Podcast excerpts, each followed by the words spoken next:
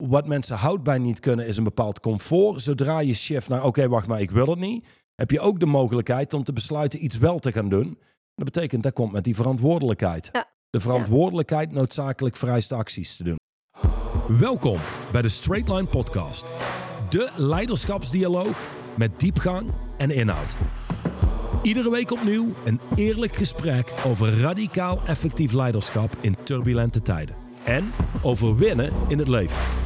Welkom bij de Straight Line Podcast met Mandy en Johan van der Put.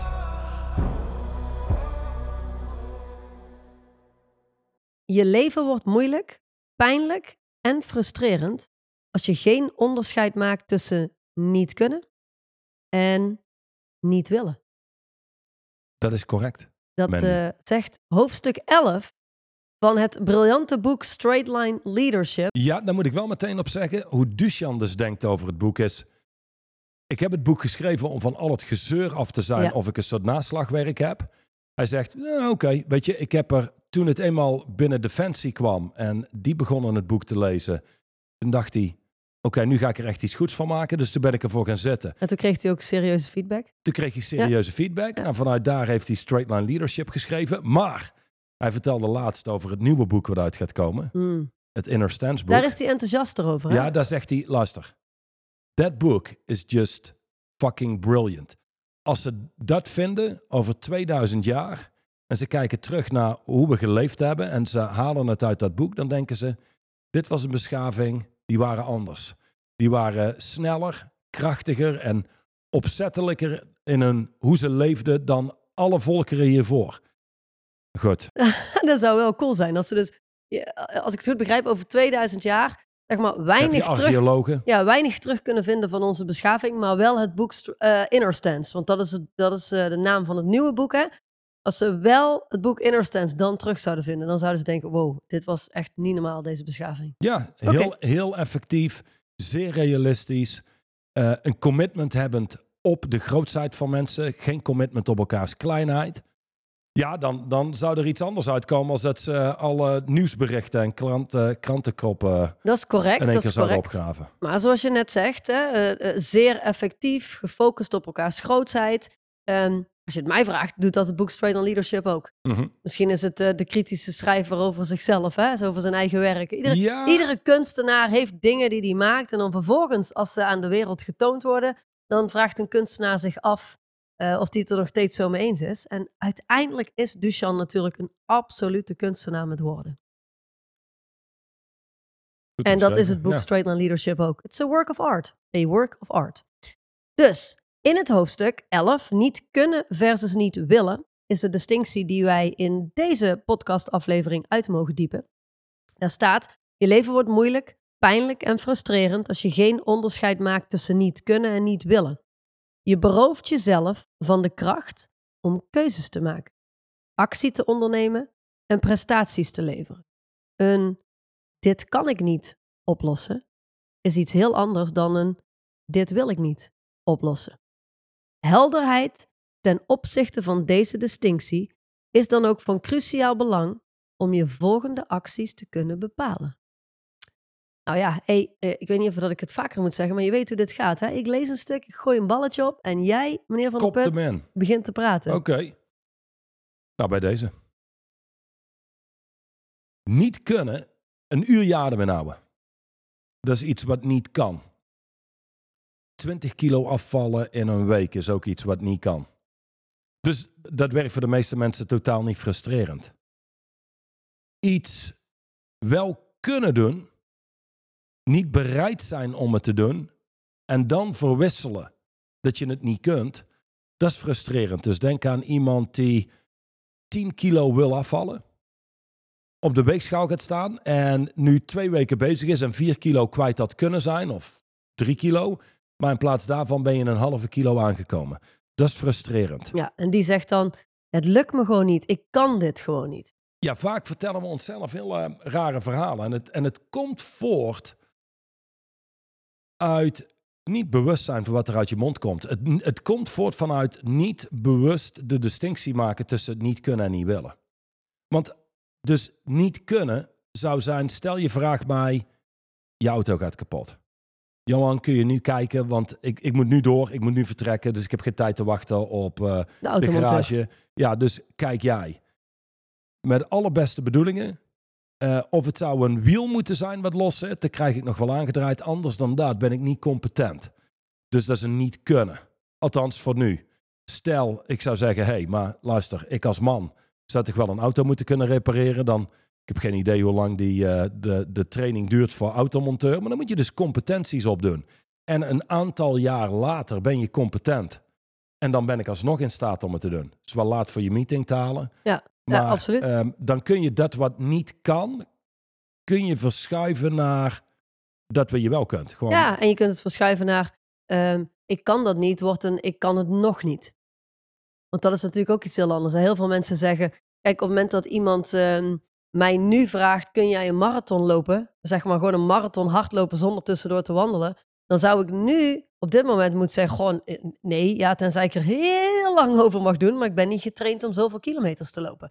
Maar als ik nu in general zou stellen, ja, ik kan geen marathons lopen, eh, is, is het natuurlijk gewoon onzin. Ik bedoel, als ik bereid zou zijn om het werk te doen, de trainingen te doen en, en mijn huidige hardlooptrainingen op te rekken en daar eh, enorme duurtrainingen van te maken, dan kan ik over, wat zal het zijn, een jaar een marathon lopen. Ja, maar dan moet je dus al die distinctie kunnen maken. Exact. En het vereist ook radicaal eerlijk kijken. Ja. Want het betekent in de kern, waarom verstrikken mensen zichzelf in die distinctie? Omdat vaak als mensen zeggen dat ze iets niet kunnen, zie een sales team een bepaald resultaat behalen. 10% meer dan wat ze nu op dit moment doen. Ehm, kijk naar een algemene organisatie. Het gaat om productie. Zoveel procent meer produceren. Vaak wordt er initieel gezegd, ja, maar dat kan niet. Totdat we gaan kijken en dan hebben we bepaald comfort op te geven. Ja, precies. Wat maakt dat je zegt dat het niet kan?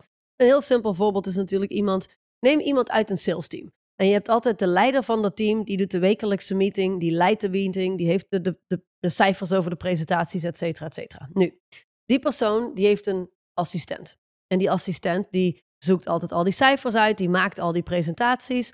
En die leider die zegt tegen zijn assistent, weet je wat? Doe jij komende week maar eens een keer die cijfers presenteren. Ik denk dat dat goed zou zijn. Omdat die die salesleider ziet, hey, dat zou goed zijn, dan kan ze zich ontwikkelen of whatever het dan ook is. Ehm, initieel zeggen veel mensen op het moment dat ze moeten spreken voor groepen, oeh, nee, dat kan ik niet.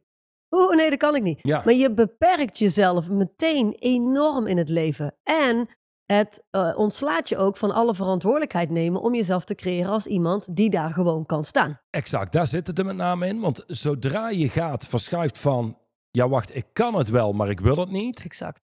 Dan dat is wel een, ehm, hoe moet je het zeggen? Laat ik zo zeggen, je ziet er natuurlijk niet heel goed uit als het is. Weet je, ik kan het wel doen, maar ik wil het niet doen. Als je al die tijd vol hebt gehouden dat het niet kan. Absoluut. Ja, dus dat is de reden waarom ook veel mensen blijven bij niet kunnen. Wat mensen houdt bij niet kunnen is een bepaald comfort. Zodra je shift naar, oké, wacht maar, ik wil het niet, heb je ook de mogelijkheid om te besluiten iets wel te gaan doen. Dat betekent, dat komt met die verantwoordelijkheid. Ja. De verantwoordelijkheid noodzakelijk vereist acties te doen. Dus in de kern, wat mensen houdt bij niet kunnen, in eigenlijk een droomwereld die kracht ontneemt. Absoluut. Want dat is de positie van niet kunnen versus niet willen. Als iets echt niet kan, fijn. Ik bedoel, een uur jademen nou, kan niet. Dat ontneemt geen kracht. En niemand wordt daar ongelukkig of gefrustreerd van. Nee, maar bepaalde resultaten kunnen produceren in sales, eh, met, eh, met je HR-afdeling, wat het dan ook is. Niet willen verwarren met niet kunnen ontneemt kracht. Want dat snijdt meteen een deel van, je, van jezelf af, als het ware. En van, van mogelijkheden in het leven. Ja. Op het moment dat je zegt, ik kan dat niet, dan ontslaat het je van alle verantwoordelijkheid die daar mogelijk te nemen is. Maar het ontneemt je ook direct dat, dat hele gebied van het leven. Ik bedoel, als je het niet kan, dan kan het niet, hè? Ik Ja. bedoel, ja, dat is simpel. Nou, dus, dus mensen hebben vaak comfort op te geven om überhaupt eerlijk te kijken. Mhm. Dus daar zouden mensen een lijst van kunnen maken. Wat heb ik op te geven? Ja, let eens op überhaupt iedere keer als je zegt, dat kan ik niet. Want er zit, het is wat je zegt, hè? Er zit, er zit, ehm, er zit hoe gek het ook klinkt, veel meer kracht in, dat wil ik niet. Namelijk Mhm. daadwerkelijk eerlijk zijn richting jezelf en anderen over, wat ik al zeg, hè, die assistent die, die de kans krijgt om zo'n presentatie te doen, om te groeien, om vooruit te komen in het leven, om wellicht zelfs hoger op te komen in de organisatie. Ehm, en die zegt, dat kan ik niet, dat sluit meteen alle deuren. Als je zegt, hé, hey, dat wil ik niet, ik wil zoveel dingen niet. Heel eerlijk. Ik wil bijna nooit om vijf uur uit bed als mijn wekker gaat. Dat wil ik eigenlijk eerlijk gezegd iedere ochtend niet. Maar dat ik dat niet wil en dat ik dat wel doe, ja, dat, dat maakt dat ik steeds krachtiger en krachtiger en krachtiger word. Um, dus dat is voor zo iemand ook, dat wil ik niet.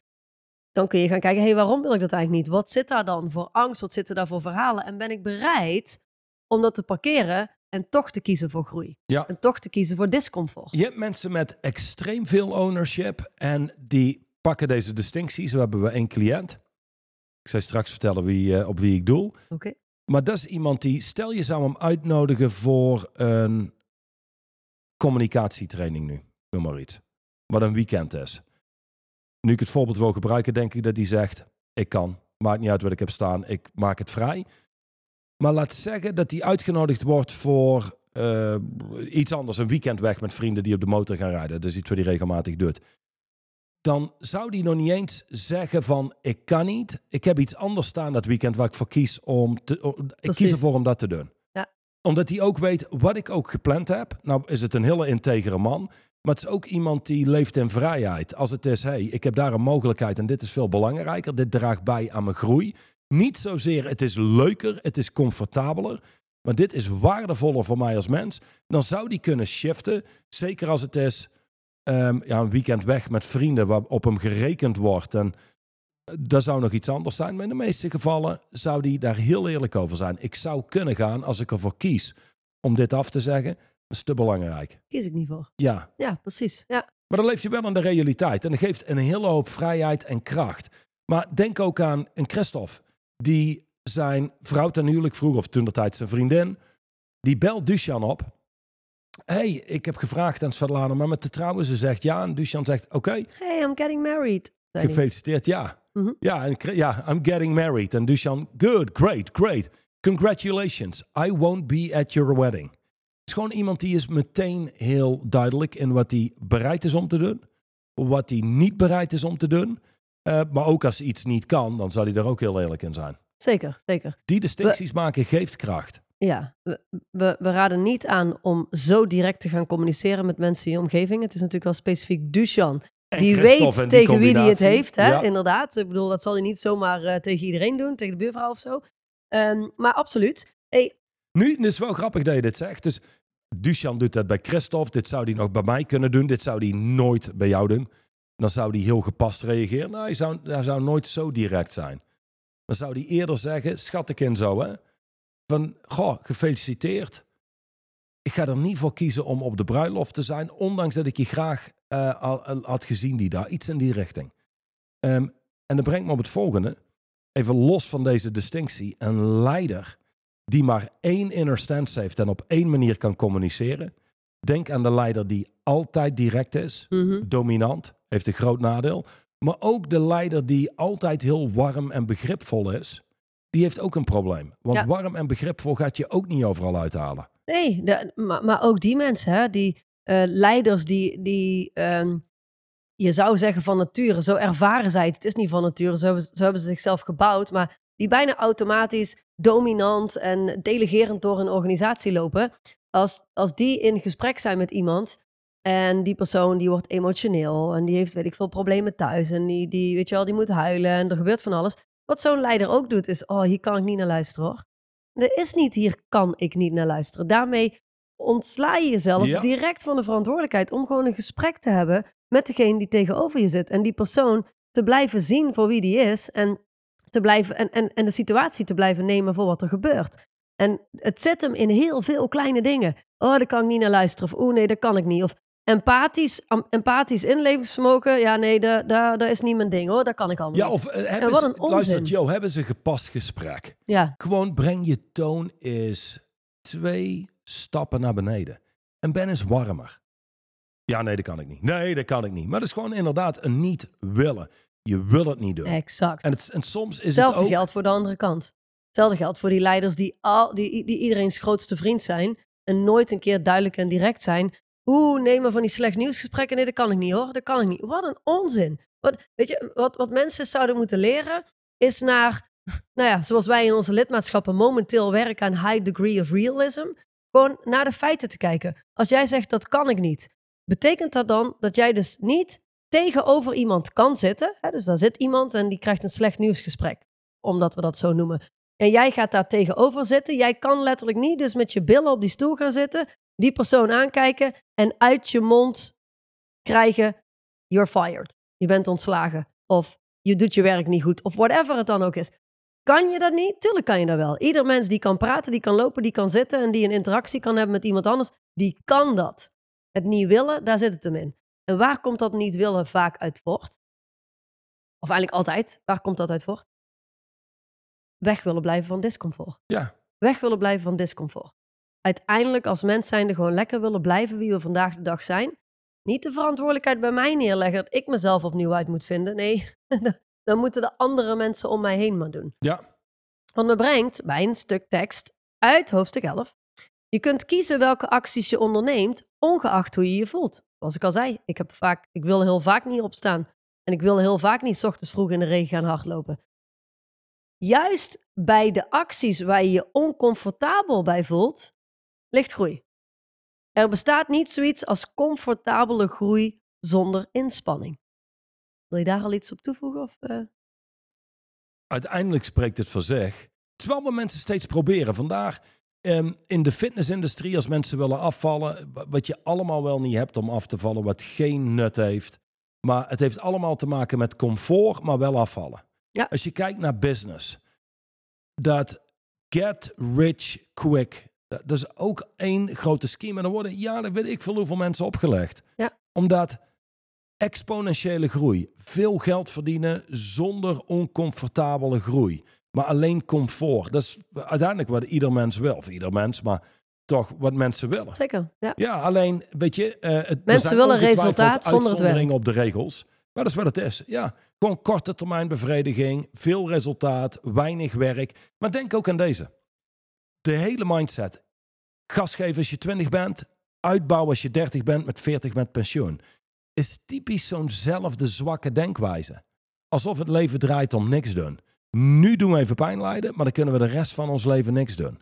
Ehm, voor mij Ja, zou dat totaal beter niet interessant zijn. Niet niks doen, dan kunnen we de rest van ons leven dingen doen die we leuk vinden. comfortabel vinden. Ja, Ja, die we comfortabel vinden of alleen maar dingen doen die we leuk vinden. Alleen maar dingen waar we passie voor hebben. ja, Ja, ja het, is, het is interessant dat we in een tijd leven en ik begrijp, ik, ik begrijp ergens enigszins waarom we daar terecht zijn gekomen. Eh, maar, je, maar je hoeft er niet in te blijven zitten en je hoeft er niet in mee te gaan. Je, je hoeft niet te leven vanuit de overtuiging dat werk en privé super gescheiden zijn van elkaar en dat werk iets is wat moet en privé iets is waar je blij van wordt. ja. Oh, bijna weekend of bijna vakantie of whatever het is. hey, ik denk... eh, Maar het komt, vanuit de, het komt überhaupt vanuit die strategie van denken. mhm, Ik wil nu snel geld verdienen, zodat Ja. ik straks alleen maar kan doen wat ik leuk vind. Ehm, als jij geboren zou zijn in 1950, weet je, ik wil gewoon mijn passie leven en ik wil nu even snel geld verdienen en dan ben ik klaar. Dan is het, dat, dat gaat niet, dat kan niet. Eh, ja, weet je, dan zou je een bedrijf moeten beginnen, maar dat is maar voor heel weinig mensen gegeven. Exact. En, en daarnaast ook, ehm, dan, dan hoef ik alleen nog maar te doen wat ik leuk vind. Even los van het feit dat het niet werkt in het leven. Weet je, in het, in het leven werkt het gewoon niet als je ergens wil komen op een plek die, die er anders uitziet dan de plek waar je nu bent. ehm, dan, dan zul je dingen moeten doen die je niet altijd leuk vindt. Maar überhaupt die constante hang van mensen naar, naar zich altijd maar goed voelen. Is ook heel ongezond, maar is echt heel ongezond. Het leven draait, het leven draait in het hoofd van heel veel mensen tegenwoordig om je goed voelen. Maar, maar wie heeft ooit bepaald dat het leven daarom draait? Is het, het is toch niet voor niks dat we in een duale wereld leven? Het is toch niet voor niks dat je donker en licht hebt? Je hebt happy, hoe zeg je dat? Blijdschap en je hebt verdriet. En je hebt eh, boosheid en frustratie. En je hebt, ehm, eh, weet ik veel, eh, eh, plezier en vermaak, zeg maar, met mensen. Eh, het hele idee van het menselijk leven ervaren is juist dat je beide kanten van het spectrum ervaart. Waarom zijn mensen toch altijd maar op zoek naar goed voelen, goed voelen, goed voelen, goed voelen? In de basis omdat mensen net als dieren comfort willen. Zo, zo simpel werken we gewoon. Maar in de kern natuurlijk ook denk eens aan, aan, aan hoe we opgevoed zijn en hoe kinderen opgevoed worden. Let eens op wanneer een kind eh, pijn heeft of verdriet heeft. Hoe snel boos is. of boos is. Hoe snel de ouders alles op alles zetten om dat, ehm, te laten gaan. Om te zorgen dat die boosheid afneemt. Of om te zorgen dat zo snel mogelijk het verdriet weg is. Wat is er mis, schatje? hey, verdriet is een onderdeel van het leven. Soms ben je gewoon verdrietig. En dan is het oké om even verdrietig te zijn. Zeker als kind. En een potje te huilen. En dan vervolgens je af te schudden en weer door te Het bewegen. is wel grappig dat je dat zegt. Ik sprak laatst een man en die, ehm, zijn partner is overleden. Ik denk 2,5 jaar geleden. Die kwam bij de huisarts voor een aantal zaken en die checkte in. Weet je, hoe gaat het? En eh, ik heb gehoord dat eh, eh, je vrouw is overleden. En die kreeg meteen ehm, antidepressiva voorgeschreven. Terwijl die, zeg maar, die arts vroeg, hoe voel je? Ja, ja, ja, ja, goed, weet je. Niet hetzelfde als toen. Nee, precies. En, en goed, meteen wordt er ehm, een. Goed, laat ik zo zeggen. Het overlijden en zijn dokterbezoek zat relatief dicht op elkaar. Misschien twee maanden tussen. Ehm, maar dat is de maatschappij van tegenwoordig. Je kunt, laat ik Ja, zo zeggen, we leven het als negatieve emoties. Ja, Het zijn gewoon emoties. het zijn gewoon emoties. Het zijn gewoon ervaringen van het leven. ja, Dat- alleen dus da- daar hebben we van gezegd, die willen we eigenlijk liever niet ervaren. We willen alleen de andere kant ervaren. Ja. Maar we willen ook alleen maar plezier en vermaak ervaren. We willen niet meer echt het werk doen. precies. Je, dat, ik, dat doet me denken aan een training die ik zag. Je kunt het zo op YouTube vinden van Usain Bolt in de tijd dat hij aan de top stond. Zo'n training van hem, je ziet hem zo starten. Die wil die training ook niet doen. Nou, nee, dat kan ik je vertellen. Want die staat gewoon kotsend naast de kant van de baan eh, halverwege de training. Zoveel melkzuur wordt opgebouwd. En anderen worden zoveel discomfort ga je doorheen. Dat je uiteindelijk zo naast de baan staat. Ja, dat, dat wil, liever wil dat niemand. Als het, als het gaat om je voorkeur uitspreken, zou het zijn liever niet. Maar ook daar, om fysiek te groeien is het nodig. Om mentaal te groeien is het nodig. Sterker nog, we hebben gesproken over, wij zijn het land waar mensen in verhouding het minste uren werken, maar we hebben wel de meeste burn-outs. Ehm, ondanks dat wij proberen altijd stress te ontlopen hè, in deze maatschappij, om te kunnen groeien, Moet je om kunnen gaan met stress? ja, het gaat om die stresstolerantie. Exact. Je wil jezelf bouwen om om te kunnen gaan met stress. Moet je je voorstellen, je hebt van die mensen die doen er alles aan om stress in hun, hun leven te vermijden. Dan wil je dus eigenlijk niet leven. Dat is een onderdeel van het leven. Dus de vraag is niet hoe kunnen we stress vermijden. De vraag is hoe kunnen we stresstolerantie bouwen. Hoe kunnen we onszelf groter en krachtiger maken, zodat de, de volgende stressvolle situatie die eraan komt, gewoon een situatie is. Gewoon een ervaring Ja, is. het, Dat het- het wordt gewoon ook gezegd in is. coaching. Het leven zit niet vol met stressvolle situaties.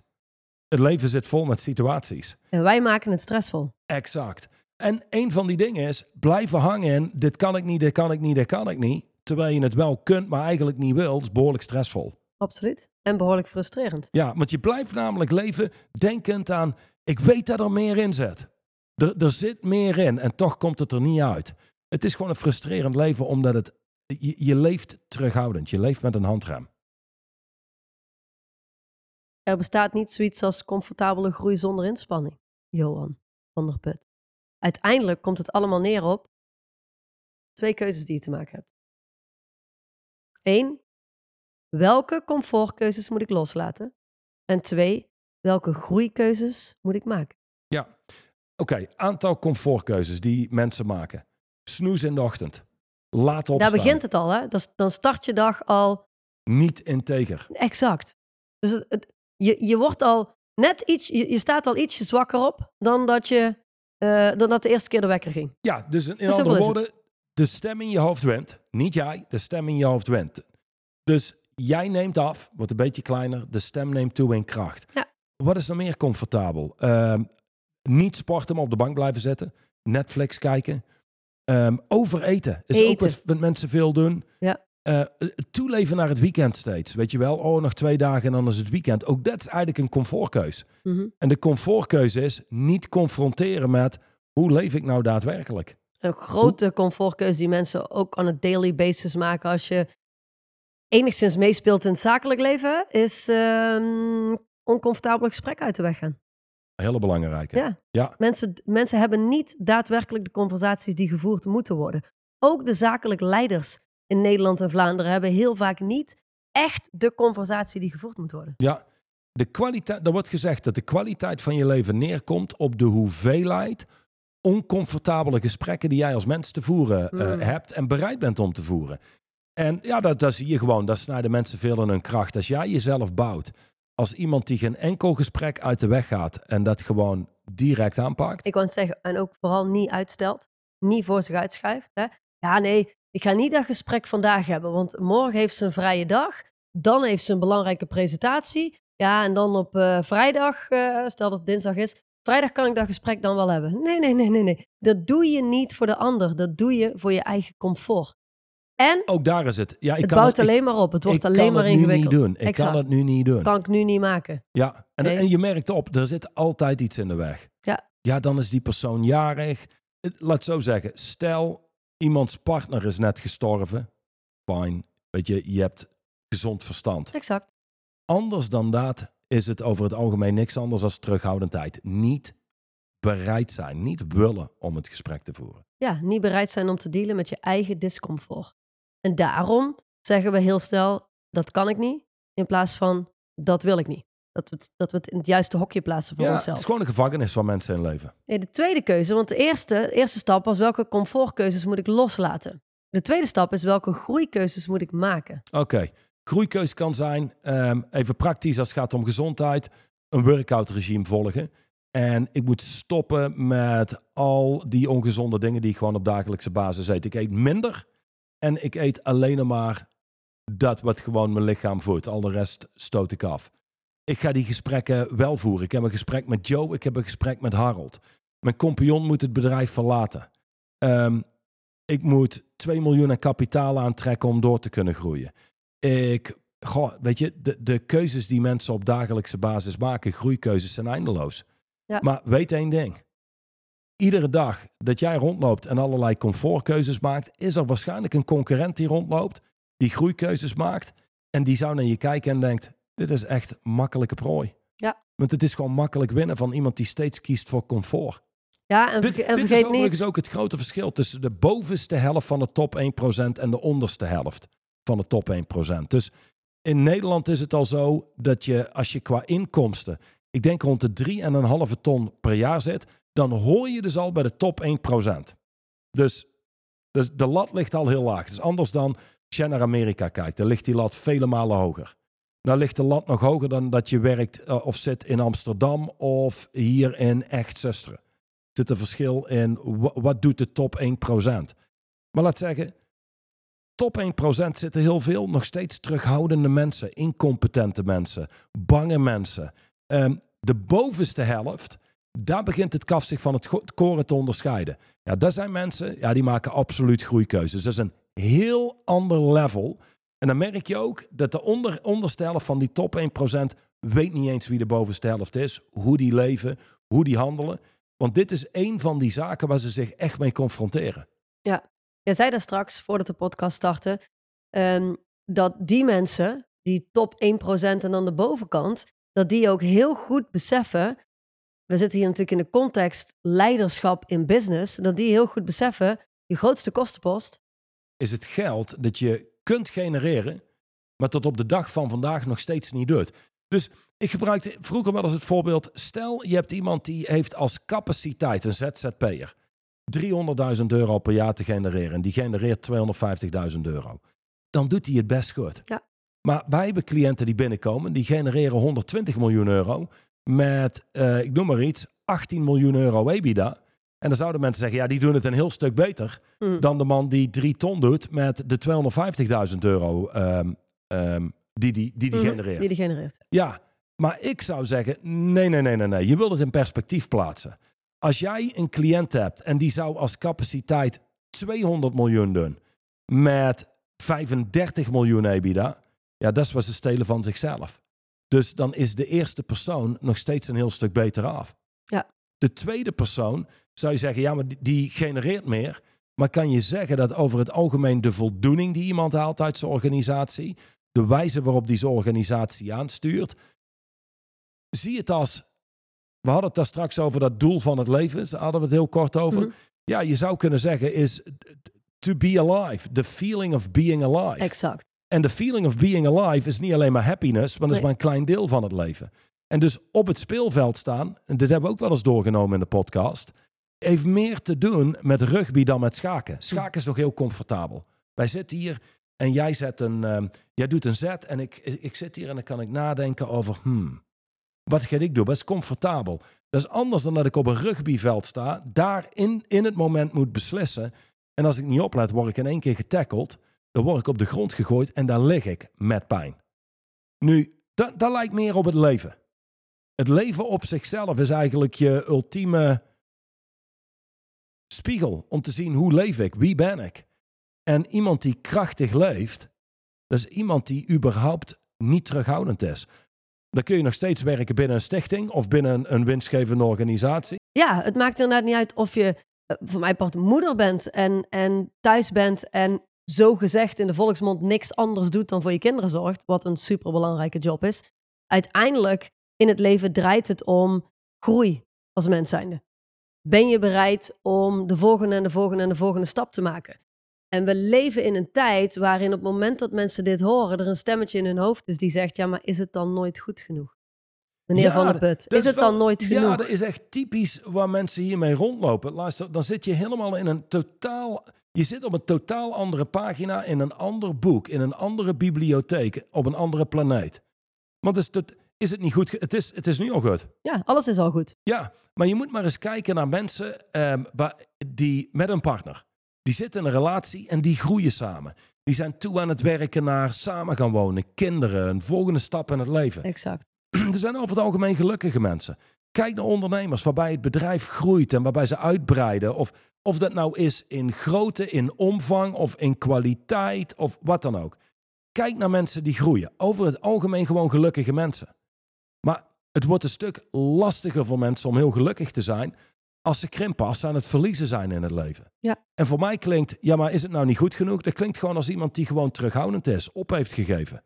Ja. Gewoon, het heeft niks te maken met is het niet goed genoeg. Als jij, voetbal, als jij een voetbalfan bent en jij ziet een van je favoriete spelers trainen, ga je dan echt aan de kant van het veld staan? hey Joe, hey, is bij jou nou nooit goed genoeg? Waarom zit je niet thuis achter de Playstation? Dus relax, man. Ja, kom op. eh, je kon al goed voetballen. Je hoeft echt niet zo. eh dit is bijna obsessief. Nee, helemaal niet.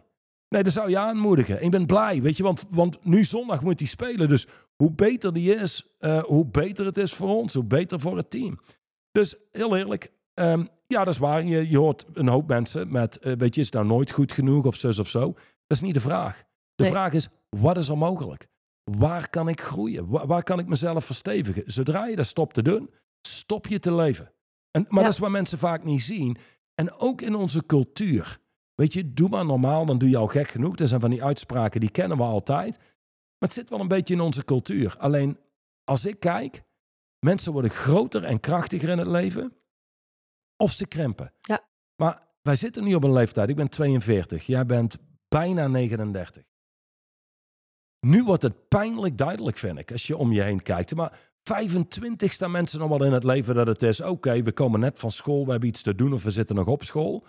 Maar nu kom je op zo'n leeftijd en hoe ouder je wordt, mensen zijn niet meer hetzelfde. Heel af en toe kom je iemand tegen en dan denk je, hey, die is niet meer hetzelfde als toen ik hem nog kende van 20 jaar geleden. Hm. Die is bewuster, hij is krachtiger, weet je, een stof om te zien.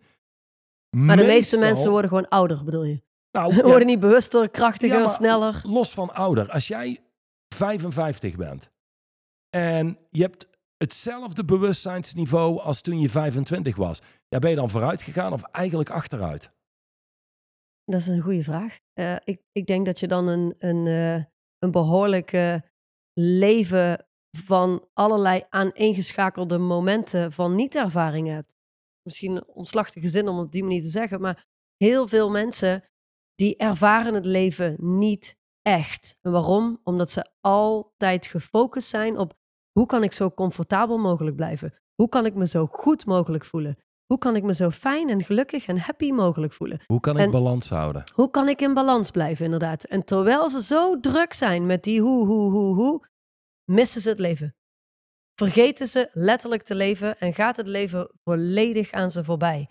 Dus wat, om het terug te brengen naar de distinctie niet kunnen versus niet willen, wat als je een leven zou leiden zonder terughoudendheid, met, met een eerlijke, realistische kijk op waar je je begeeft en waar je wel toe bereid bent naartoe te werken en waar je niet toe bereid bent.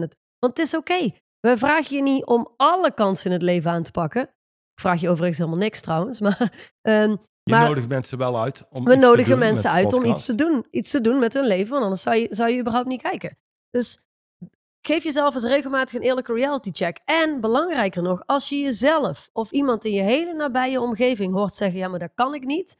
Stel jezelf dan eens de vraag: is dat een realistisch geplaatste of een goed geplaatste? Dat kan ik niet. Of is het iets wat de ander niet per se gaan zeggen, niet je omgeving gaan coachen, maar om jezelf te trainen? Ja, Of is het iets wat de ander zou prima persoon- zou ja. kunnen? Stel je zou die persoon 1 miljoen euro geven, al zouden ze het wel doen. Zouden ze het dan doen? Ja. En dat snijdt vaak meteen door alle bullshit heen en brengt je in contact met, met radicale, eerlijke antwoorden. Ja. Ehm, hey, en luister, dit is ook niet voor iedereen. En eh, ik heb wel eens mensen die zeggen, ja, ik heb boek gelezen, ik ben al heel straight line. Oké, top. Maar wat bedoel je daarmee? Want weet je, ik heb een definitie van straight line. Exact. Maar iemand komt vanuit zijn of haar definitie van straight line. En al komen vanuit, ja, maar ik ben al heel straight line. Geeft aan, ik ben niet echt bereid om te kijken. Het meeste wat ik heb gelezen weet ik al. Maar dit is een van de hoofdstukken waar we nog op komen. Dat, of hebben we al gedaan, hè? Dat wat ik weet en dat wat ik leef. leven hebben we gedaan. Ja. Ja, en er zijn twee verschillende werelden. En dan heb je nog, zei iemand, het ging over, ik weet niet meer waar het over ging. Iemand wilde iets aanschaffen. Ja, ja, dit is 50.000 euro. Toen zei iemand, oh, dat is een hoop geld. Als mensen zoiets zeggen, dan hebben ze vaak geen idee. Dat is een hoop geld, dat is, dat is een mening. Absoluut. Dat is niks anders dan een mening. Bijna alles wat uit iedereen zijn mond komt is een mening. Sterker nog, deze hele podcast is in de basis een, een mening, een mening van ons. eh, uit directe ervaring van het leven en werken met het boek Straight on Leadership. Ja, alleen een distinctie is geen mening. Nee, dat is waar.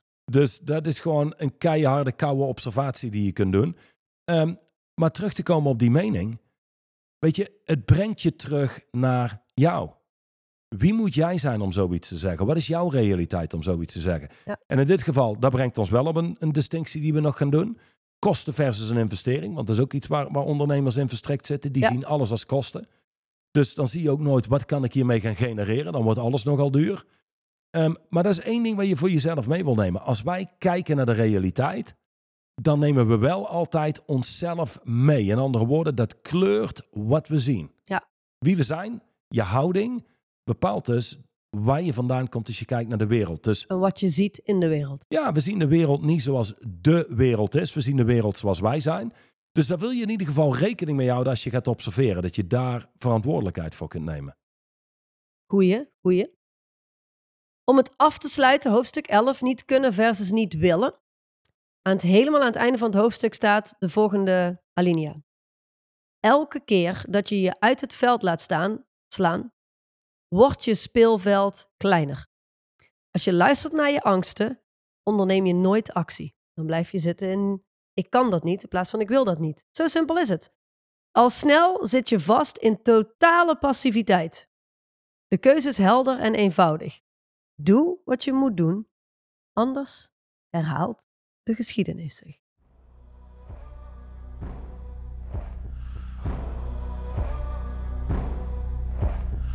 de overige podcast beluisteren of deze nog eens terugluisteren? Ga naar het YouTube of Spotify account van Straight Line Leadership.